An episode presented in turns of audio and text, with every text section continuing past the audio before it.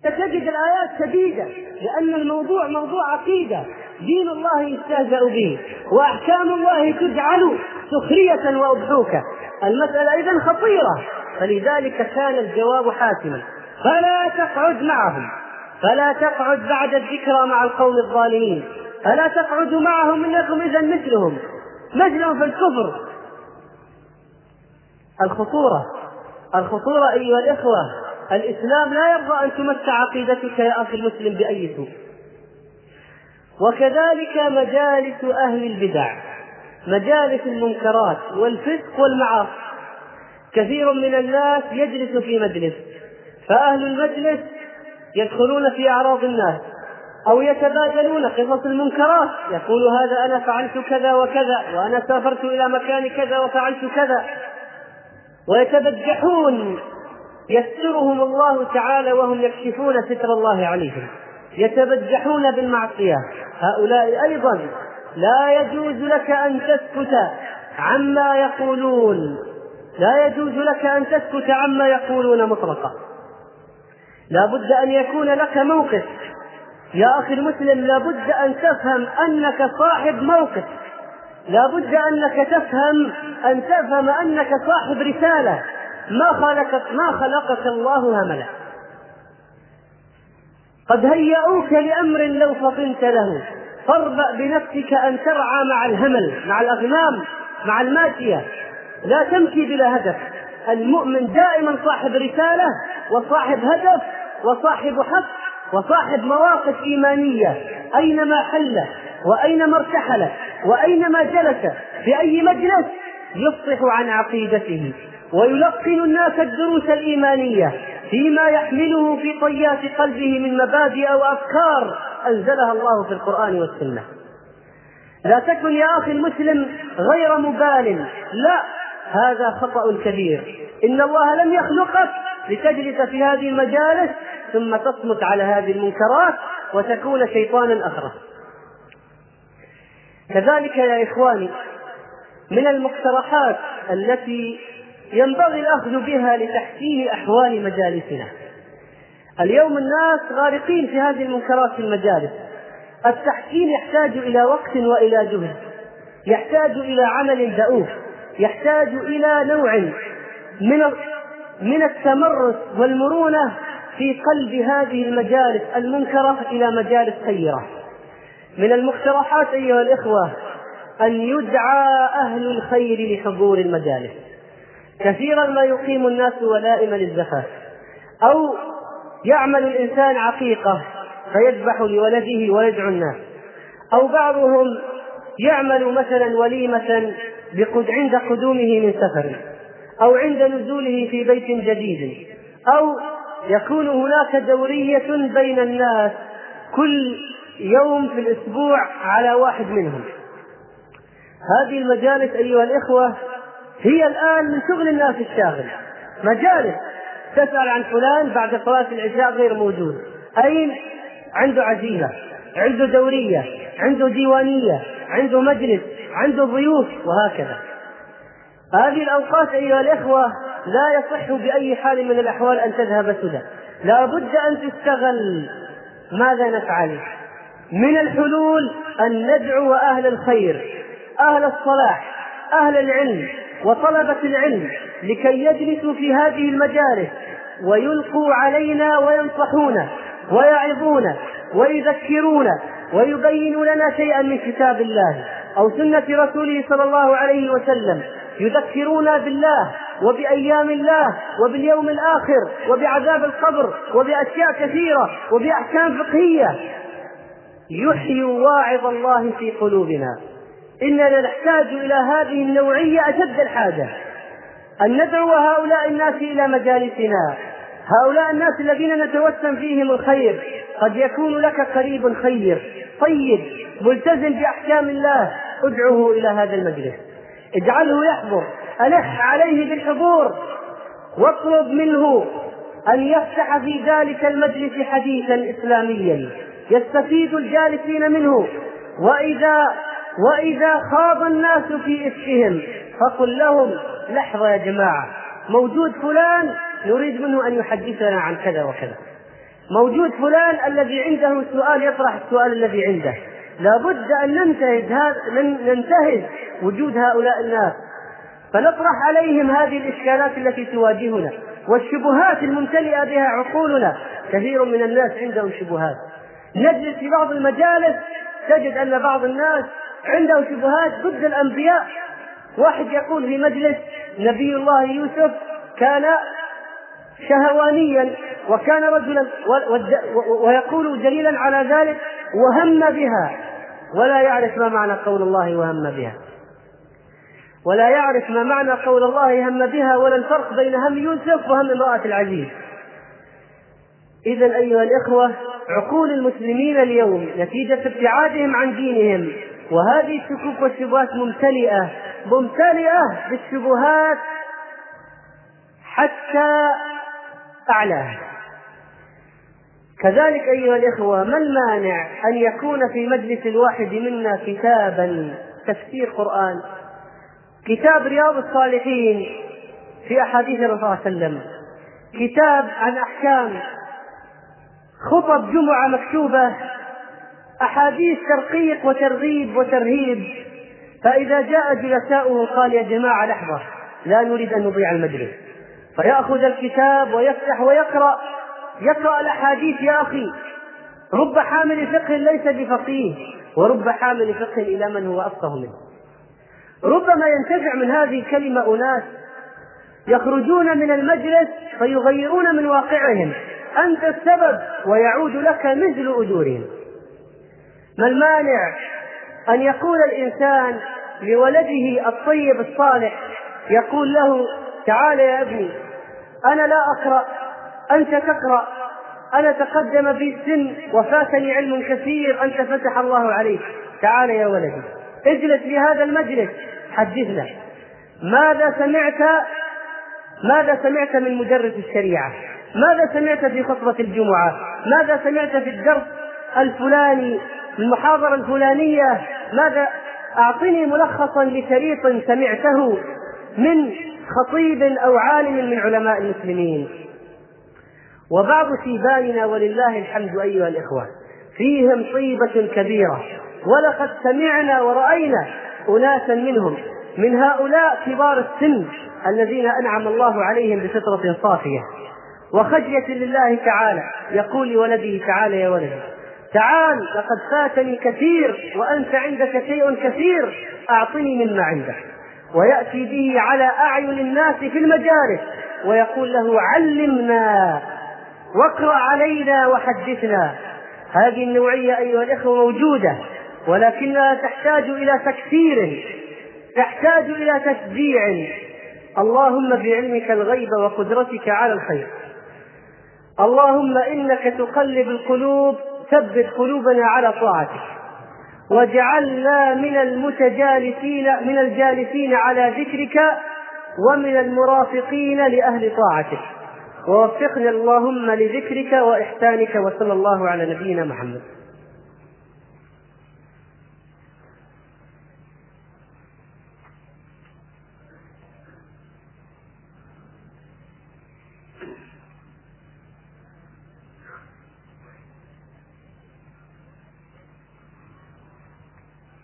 الحمد لله والصلاة والسلام على رسول الله وأشهد أن لا إله إلا الله وحده لا شريك له الملك وله الحمد يحيي ويميت وهو على كل شيء قدير. أيها الإخوة ولا بد من الإكثار من ذكر الله تعالى في المجلس. وذكرنا بأن ذكر الله والصلاة على رسول الله عليه السلام واجبة في كل مجلس في كل مجلس من المجالس. ولهذا أسباب وحكم منها أنه من الصعب على الإنسان أن يقول في المجلس لا إله إلا الله وصلى الله على محمد فلان بخيل وفلان كذا وكذا. لا يحدث التوافق لا تتوافق الأمور. يريد الله منك أن تذكره في المجلس حتى تطرد الشيطان.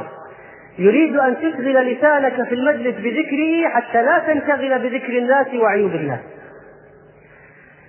كذلك في الوقت الذي نحث الناس فيه على إحياء مجالسهم بذكر الله تعالى وأهل الخير نحث الدعاة إلى الله تعالى على انتهاز هذه الفرص ومجامع الناس ومجالسهم ليعلموا الناس دين الله تعالى. واجب مسؤولية عظيمة وخطيرة على الدعاة إلى الله اقتداء بسنة رسول الله صلى الله عليه وسلم اولا كان يغشى الناس في مجامعهم فيعرض عليهم الدعوة إلى الله ويعلمهم العقيدة. المجالس أيها الإخوة فرصة مهمة جدا. إذا فوتت فقد فات خير كبير. أين تجد هؤلاء الناس مجتمعين حتى تتكلم معهم؟ إذا لم أتكلم أنا ولم تتكلم أنت ولم يحضر المجلس فلان وفلان من أهل الخير فمن الذي يحضر؟ من الذي يتكلم ومن الذي يعلم ومن الذي ينصح؟ إنها مسؤوليتنا جميعا. أن تجلس مع الناس. انتهز كل فرصة لتطرح الخير الذي عندك. صحح تلك المفهومات الخاطئة في العقيدة والعمل وفي التصورات التي امتلأت بها عقول الناس. إذا سمعت رجلا في مجلس يقول ودخلت على المدير الفلاني بالمشكلة الفلانية وقلت له ما لي إلا الله وأنت وأنا مشكلتي كذا. قل له يا أخي قف. هذه الكلمة التي تفوهت بها كبيرة عند الله. ما يجوز لك أن تقول ما شاء الله ما, يجوز أن تقول ما لي إلا الله وأنت. هذا شرك بالله. تقول ما لي إلا الله ثم أنت. أعتمد على الله ثم عليك. وهكذا. وهكذا أيها الإخوة. نسمع أحيانا في المجالس كلمات تخرج عفوية من الناس لكن لها مدلولات خطيرة تقدح في العقيدة. أجلس مع واحد من الناس أقول له حال فلان وفلان أقول أما فلان فهذا ربنا افتكره. ومات يعني الله عز وجل كان ناسي هذا الرجل بعدين افتكره واخذ هذه هذه كلمات تنطلق على ألسنة الناس. أخطاء عظيمة تدل على أن هذا الرجل لا يعلم ولا يفهم ولا يعي أن الله يعلم كل خافية وما يعجب عن ربك من مثقال ذرة في السماوات ولا في الأرض ولا حبة في ظلمات الأرض ولا رطب ولا يابس إلا في كتاب مبين. إذا الناس عندهم أخطاء. إذا لم تصلح هذه الأخطاء فمن ذا الذي يصلحها؟ فإذا أيها الإخوة القضية عظيمة والمسؤولية مشتركة. نسأل الله سبحانه وتعالى أن يوفقنا وإياكم للقيام بها حق القيام. اللهم وارزقنا ذكرك وشكرك. اللهم أيها الإخوة ذكرنا في الخطبتين الماضيتين شيئا من أحكام المجالس وآدابها في الإسلام. وقلنا أيها الإخوة بأن ذلك الموضوع موضوع حساس ومهم. ونحن اليوم نتكلم عن أدب آخر من الآداب وهو وإن كان داخلا في ضمن آداب المجالس إلا أن العلماء قد أفردوه في أبواب مستقلة من خلال مصنفاتهم نظرا لأهميته ولشدة الآيات والأحاديث الواردة فيه. ونظرا لفشو هذه القضية أيها الإخوة بين الناس اليوم في مجالسهم فكان لا بد من إلقاء الضوء على هذه المسألة وإيجاد حل لها من خلال كلام ربنا سبحانه وتعالى وأحاديث نبينا محمد صلى الله عليه وسلم. ألا وإن هذا الموضوع أيها الإخوة هو موضوع التناجي. موضوع التناجي الذي قال الله سبحانه وتعالى في شأنه في ثلاث آيات متتابعة من سورة المجادلة ألم تر إلى الذين نهوا عن النجوى ثم يعودون لما نهوا عنه ويتناجون بالإثم والعدوان ومعصية الرسول وإذا جاءوك حيوك بما لم يحيك به الله ويقولون في أنفسهم لولا يعذبنا الله بما نقول. حسبهم جهنم يصلونها فبئس المصير. يا أيها الذين آمنوا إذا تناجيتم فلا تتناجوا بالإثم والعدوان ومعصية الرسول. وتناجوا بالبر والتقوى. واتقوا الله الذي إليه تحشرون. إنما النجوى من الشيطان ليحزن الذين آمنوا. وليس بضارهم شيئا إلا بإذن الله وعلى الله فليتوكل المؤمنون. فبين الله سبحانه وتعالى أن الحكمة في تحريم النجوى أنها ليحزن أنها تحزن الذين آمنوا. قال ابن كثير رحمه الله إنما النجوى من الشيطان يعني إنما يصدر هذا عن المتناجين عن تسويل عن تسويل الشيطان وتزيينه ليحزن الذين آمنوا أي ليسوءهم وليس, وليس ذلك بضارهم شيئا إلا بإذن الله مطلقا. ومن أحس من هذا ومن أحس من التناجي ضررا فماذا يفعل؟ فليستعذ بالله وليتوكل على الله فإنه لا يضره شيء بإذن الله. فإذا أحسست يا أخي المسلم من بحزن من جراء تنادي بعض الناس أمامك فإنه يشرع لك أن تستعيذ بالله وتتوكل على الله وتنزل هذه هذه الضائقة بالله عز وجل فيكشفها الله عنك والتناجي أيها الإخوة من صفات المنافقين فإنهم كانوا يتناجون دون المؤمنين. لماذا؟ حتى يحزنوا الذين آمنوا. وكان اليهود أيضا يتناجون إذا رأوا مسلما يمر من أمامهم فيتناجون حتى يخيفوا ذلك المسلم ويوهموه بأنهم يدبروا حوله مؤامرة. ويحوكوا حوله أخدوعة لعلهم يهلكوه بها. فكان المسلمين يحزنون لذلك فيجتنبون تلك الطرق. فنزلت هذه الآيات تشتد على هؤلاء اليهود والمنافقين وتبين للمؤمنين بأن هذا التناجي لا يضر مطلقا إلا بإذن الله. وليس بضارهم إلا بإذن الله وعلى الله فليتوكل المتوكلون. فهم يتوكلون على الله فيمنعهم الله فيمنع الله عنهم ذلك الكيد وذلك العداء. وقد جاءت سنة نبينا محمد صلى الله عليه وسلم مبينة لهذه الأحكام. فقال ابن مسعود رضي الله عنه عن رسول الله صلى الله عليه وسلم في الحديث المتفق عليه إذا كنتم ثلاثة فلا يتناجى اثنان دون الآخر حتى تختلطوا بالناس لا يتناجى اثنان دون الآخر الثالث حتى تختلطوا بالناس لماذا؟ ما هي العلة؟ ما هي العلة المهمة جدا التي ينبغي لنا أن نفقهها لأن عليها مدار الحكم. فإذا انتفت العلة انتفى الحكم. وإذا وجدت العلة وجد الحكم. ما هي العلة في منع التنادي؟ يقول صلى الله عليه وسلم في بقية الحديث فلا يتنادى اثنان دون الآخر حتى تختلطوا بالناس. من أجل أن ذلك يحزنه. من أجل أن ذلك يحزنه. فصار الحزن أيها الإخوة هو المانع من التنادي وهو السبب. لماذا يحزنه؟ لماذا يحزنه؟ يحزنه أيها الإخوة لأسباب ذكر منها العلماء. بعضها فقال اولا ربما يتوهم هذا الرجل الثالث أن نجواهما لتبييت رأي أو تجسيس غائلة ضده.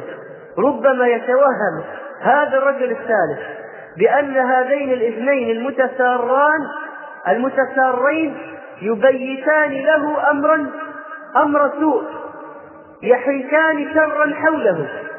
فلأجل ذلك منع التنادي والعلة الأخرى من أجل الاختصاص بالكرامة يعني كأن هذين المتناجيين يقولان بلسان الحال لا بلسان المقال.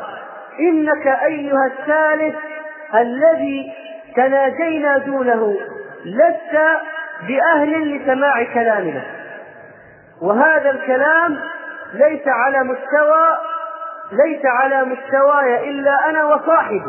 أما أنت فلست بأهل له ولست وليست هذه كرامة لك وإنما كرامة لنا نحن المتناديين فهذه العلة أيها الإخوة أيضا فيها الحزن الذي بينه رسول الله صلى الله عليه وسلم. يعني أن فيها احتقار للشخص الثالث. احتقار للشخص الثالث لأنه ليس على مستوى الكلام كما يدعيان.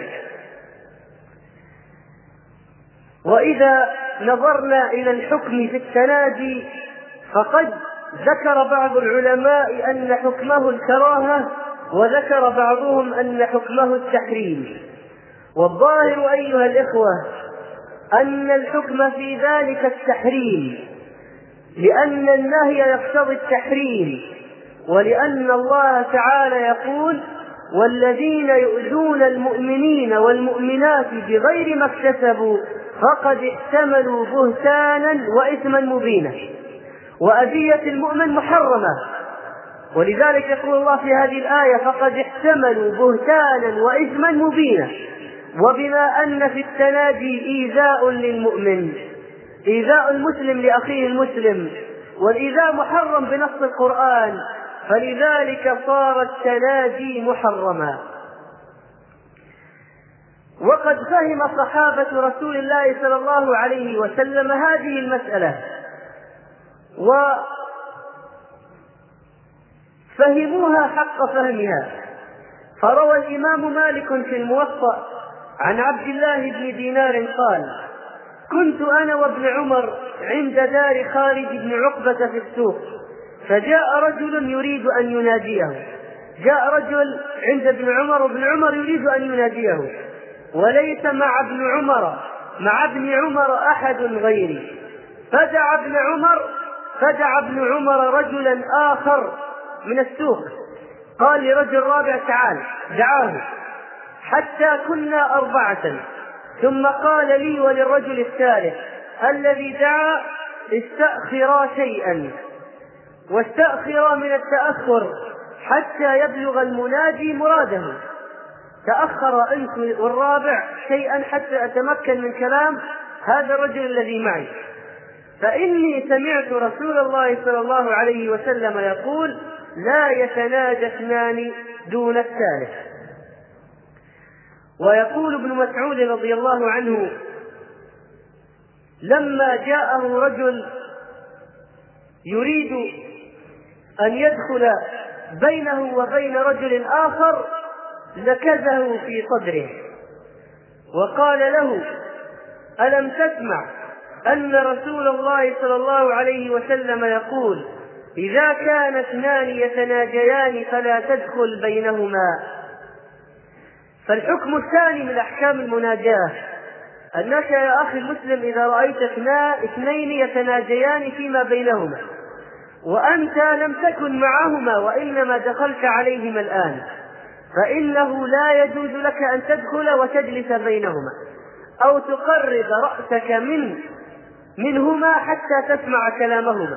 لأن رسول الله صلى الله عليه وسلم قال في الحديث الصحيح إذا كان اثنان يتناجيان فلا تدخل بينهما. فإذا قال ابن عبد البر رحمه الله لا يجوز لأحد أن يدخل على المتناجيين في حال تناجيهما. وقال في الآداب الكبرى ويكره أن يدخل في سر قوم لم يدخلوه لم يدخلوه فيه. والجلوس والإصغاء إلى من يتحدث سرا. وقد قال رسول الله صلى الله عليه وسلم في هذا الحديث أخبر بمنع الرجل أن يدخل بين اثنين. هذا يعم أيها الإخوة عدم الدخول بينهما حتى ولو تباعد عنهما حتى لو جلس بعيدا عنهما إلا بإذنهما. إذا قال عن إذنكم أن أدخل وأجلس المجلس وهما يتكلمان فأذن له فيجلس بعيدا عنهما. لأنهما لما افتتحا حديثهما سرا وليس عندهما أحد. دل على أن مرادهما أن لا يطلع أحد على كلامهما. ويتأكد ذلك إذا كان صوت أحدهما جهوريا. لا يتأتى له إخفاء كلامه ممن حضره. بعض الناس طبيعة صوته طبيعة صوته أنه مرتفع. وقد لا يستطيع أن يهمس همسا ويسر إسرارا. فلذلك نهي عن الدخول بين المتناجيين. وقد يكون لبعض الناس قوة فهم بحيث إذا سمع بعض أطراف الكلام استنتج فحوى الكلام كله. ولذلك لا يجوز الدخول على المتناجيين لا يجوز الدخول من الخارج. أما المسألة الأولى التي تكلمنا عنها فإنك فإنه لا يجوز الاثنين أن يتكلما بحضرة رجل ثالث وهو موجود أصلا. ويقول عليه السلام في تأكيد المنع في هذه المسألة ومن استمع إلى حديث قوم وهم له كارهون صب في أذنه الآنك والآنك أيها الإخوة هو الرصاص المذاب من شدة الحرارة. يوم القيامة يصب في أذنه الآنك وهو الرصاص المذاب لأنه قد دخل في حديث رجلين يستسران بينهما بغير إذنهما وهذا يبين خطورة التجسس والتصنت على أسرار المسلمين. ويشترط أيها الإخوة يشترط في جواز التنادي شروط منها. أولا أولا أن تكون هناك مصلحة راجحة على مفسدة التنادي ولذلك قال النووي رحمه الله في رياض الصالحين باب النهي عن تنادي اثنين دون الثالث بغير إذنه إلا لحاجة. فصار هناك فصار هناك شرطان لجواز التناجي أولا أن يكون بإذن الشخص الثالث. ويجب أن يراعى أيها الإخوة أن لا يكون الشخص الثالث مكره لأن بعض الناس عندما يجلس في المجلس ثلاثة أشخاص يقول صح عن إذنك يا فلان عن إذنك يا ويتكلم مع الثاني. بدون أن يأخذ إذنه وبدون أن يستمع إلى إذنه إلى إلى إذنه بل وبدون أن يكون الشخص الثالث راض لأنه قد يحرج فيأذن وهو غير راض. فلا بد أن يأذن الإذن الذي يدل على رضاه.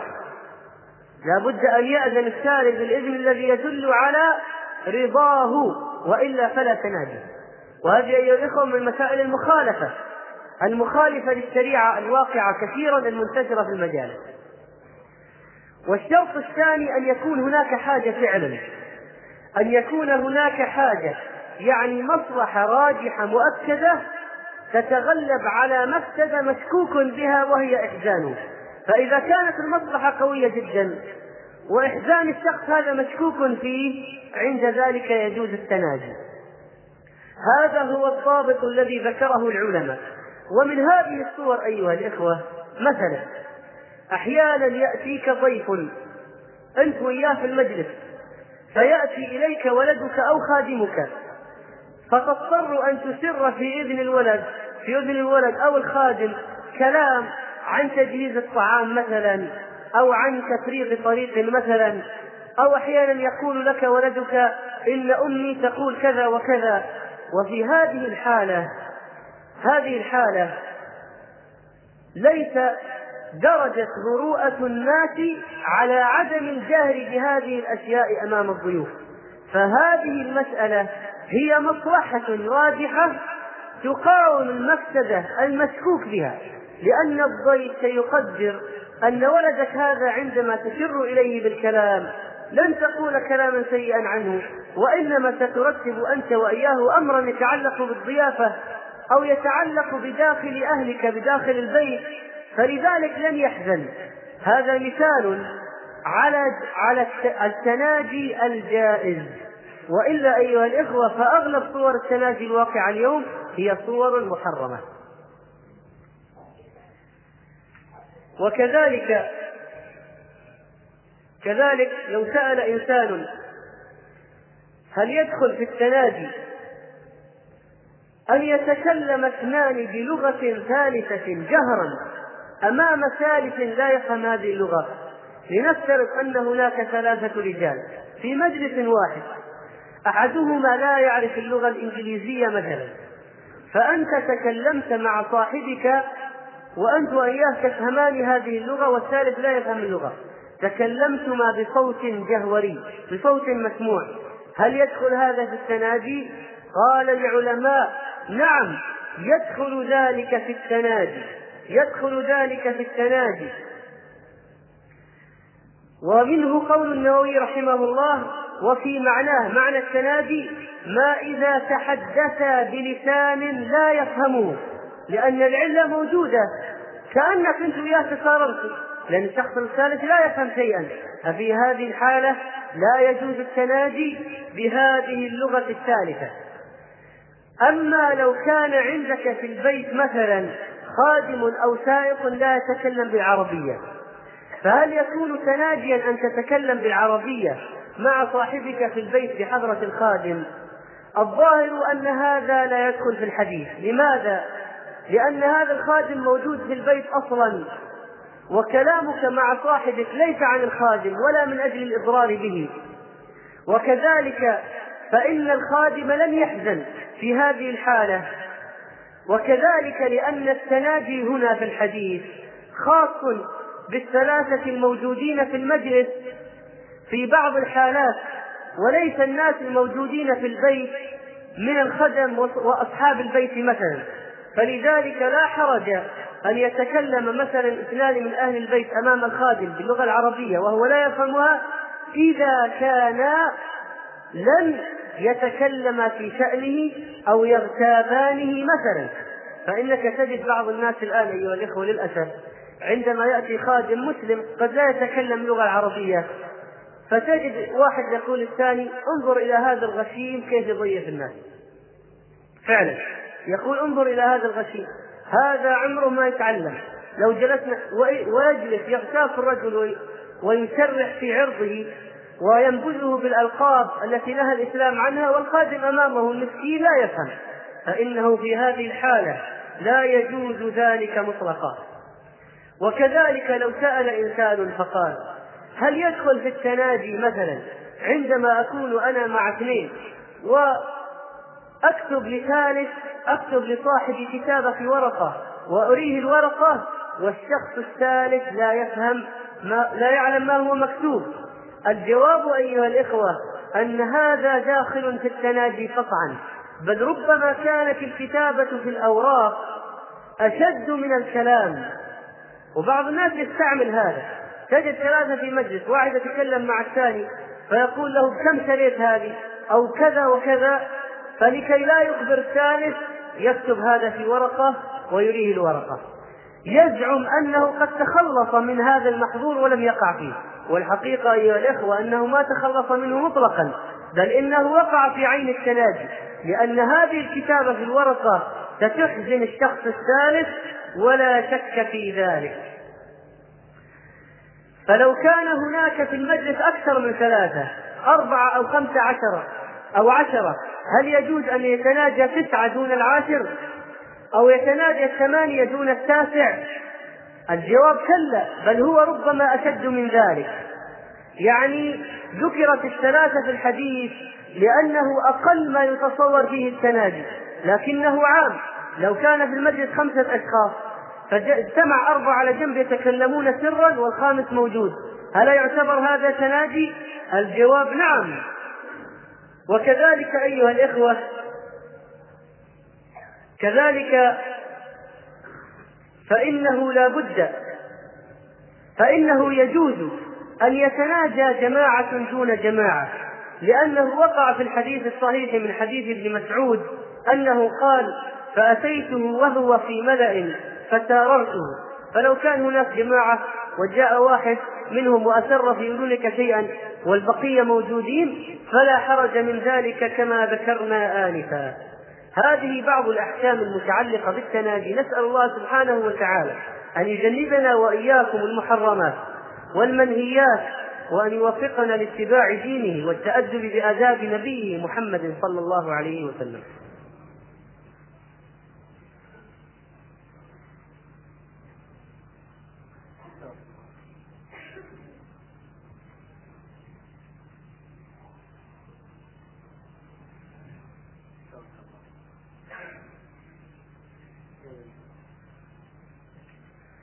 الحمد لله رب العالمين وأشهد أن لا إله إلا الله ولي الصالحين المتقين وأشهد أن محمدا عبده ورسوله الداعي إلى سبيله القويم. أيها الإخوة قد جرت عادات بعض الناس في مجالسهم أنهم يتناجون أو يأتي شخص ويتكلم مع واحد والآخر موجود وصار هذا عرفا في بعض المجالس ومنها وللأسف مجالس الدعاة إلى الله عز وجل. واعلموا أيها الإخوة أن هذه العادة عادة سيئة مرجولة. وكثير من الأحيان يتوهم الشخص أن فيها مصلحة وأن المصلحة راجحة والحقيقة أنه ليست هناك مصلحة على الإطلاق أو قد تكون أو قد تكون المصلحة مرجوحة وإحزان الشخص الثالث أمر مؤكد. لا شك فيه. فلذلك ينبغي أن لا يلبس الإنسان على عباد الله الصالحين فيوقعهم في حبائله فيظنون بأن بعض أنواع التنادي للمصلحة لا شيء فيها وهي ليست كذلك. وكما ذكرنا فإن العلة هي الإحزان فإذا انتفت العلة مطلقا وهذا أمر يصعب التأكد منه جدا. فإنه لا بأس من ذلك.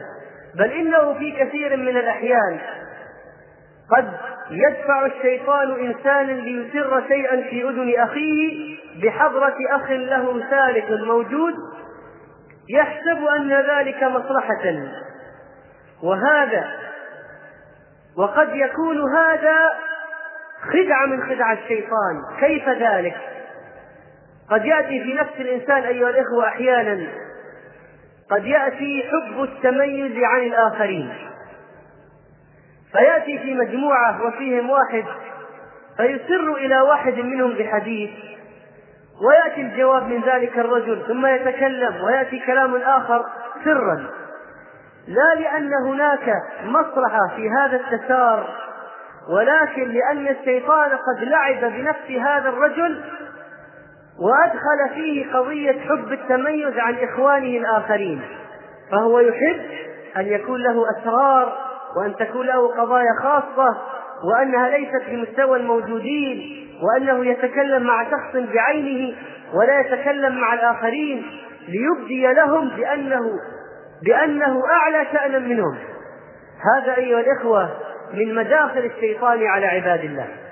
وفيه إدخال لحظوظ النفس وخلط لحظوظ النفس في مصالح الدعوة إلى الله وهذا خلط لا تقره الشريعة ويأباه الإسلام ويدفعه بكل وسيلة لأن الإسلام أيها الإخوة يحرص على وضوح شخصية الداعية إلى الله وهذا أمر مهم جدا.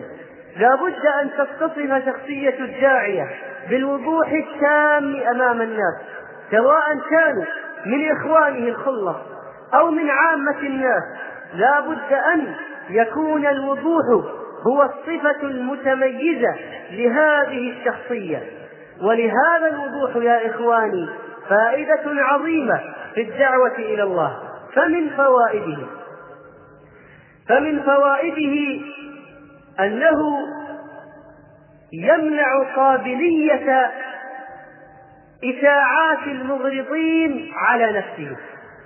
إذا كان الإنسان غير واضح وتحيطه هالات من الغموض. فإن الناس المغرضين سيتكلمون فيه ويقولون انظر فلان ماذا حوله. إن أمره مريب. إن كذا وكذا.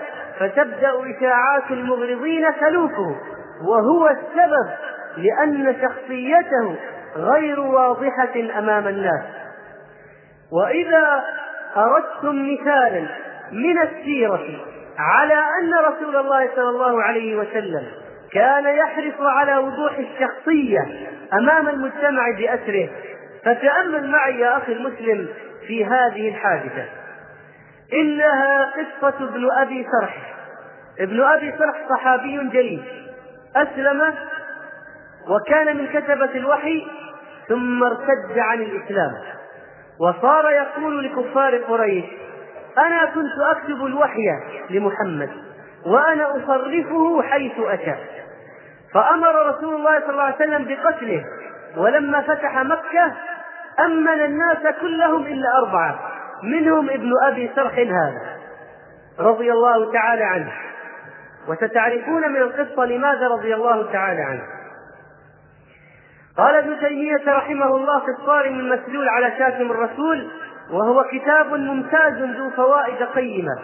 قال قصة ابن أبي سرح مما اتفق عليه أهل العلم واستفاضت عندهم استفاضة تستغني عن رواية الآحاد كذلك.